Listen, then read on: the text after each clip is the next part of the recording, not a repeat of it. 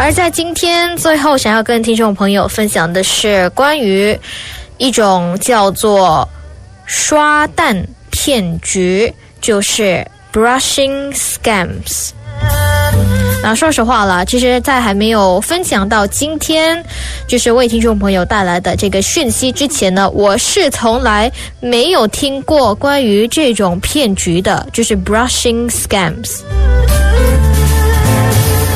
那这也是我在上个星期，就是在一月十五号看到来自于新加坡海峡时报的社交媒体账号发出的消息，说自从二零二二年的九月，就有许多的人收到自己从未下单或者说没有订的一些东西，然后突然就接到了一些包裹。那其中一位受害者的名字呢？他是叫做 Doctor Dennis Quack。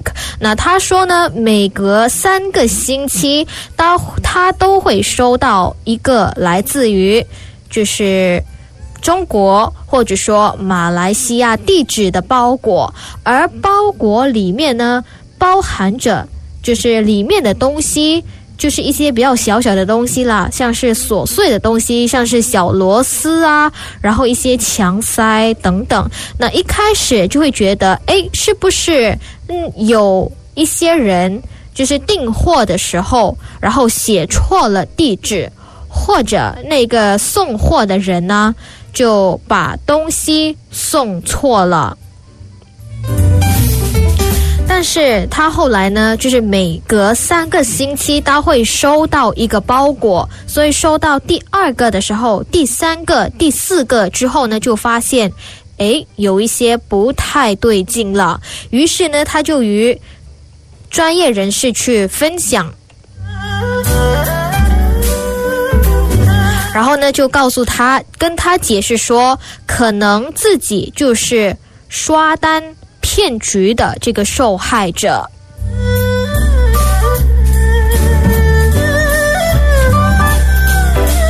那么刷单骗局，骗局到底是什么呢？就是 brushing scams 到底是什么呢？那它的意思就是啊，一种就是卖家，就是卖东西的人与。关于自己产品的一种虚假评论的做法，呃，简单来说就是这样了。就是有一些时候啊，我们在呃网购的时候，我们要买某一种东西的时候啊，我们都会去看，就是一些其他买过那个东西的买家，他们会写的一些评论嘛，他我们我们就会看。呃，他们说这个货到底是好不好啊？然后跟照片是否是一致啊？是否是一样啊？我们就会去看这些评论，对不对？买家的评论。但原来呢，现在卖家就可以把这些评论呢作假。那如何去作假呢？就是他们先要先得要把一些货送给。别人，然后这个货已经成功的送出去了之后，他们才可以在那个 A P P，也就是说我们购买东西的这个 A P P 啊，才可以写下那个虚假的评论。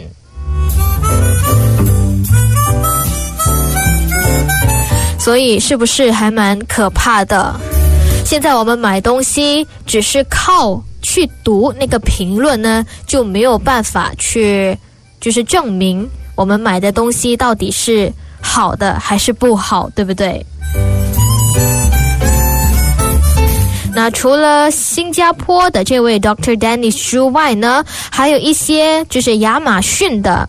客户呢也是有曾经有报说自己也是收到了没有下单过的包裹，而其中呢许多的人都有在抖音上去发布了他们收到的一些物品，比如有一些人是收到了气球，然后有一些人呢收到了 LED 的那个灯，所以我们收到的物品呢都是没有用的，只不过呢。卖家需要把一些东西送出去才可以在那个 app 软件里面呢才可以为自己写下那个评论。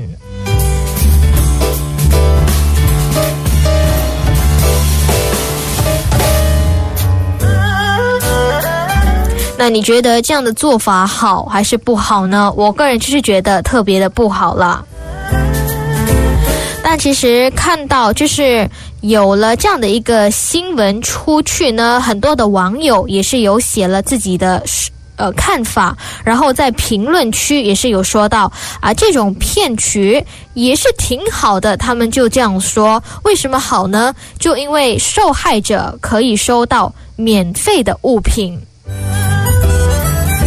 但我觉得一点都不好，好吗？因为我们现在如果要真的是通过一些网上的 A P P 啊，就是网购的这些 A P P 去订货，我们要去看这个货的好坏就很难了。因为通常我们都会看曾经已经买过货的买家写下的一些评论，他们都会写吗？哦，这个货到了之后是好啊，还是货到了之后不好之类的质量。方面的问题，但现在原来连评论都可以作假了，所以我们在网购的时候，在网络购买东西的时候呢，真的是得要非常的注意。可能我们要看的那个评论呢，是要有照片的，可能有一些买家已经买到。拿到手了，然后他们会拍照啊啊，可能有发照片的，我们就可以相信吧，对不对？因为有照片作证。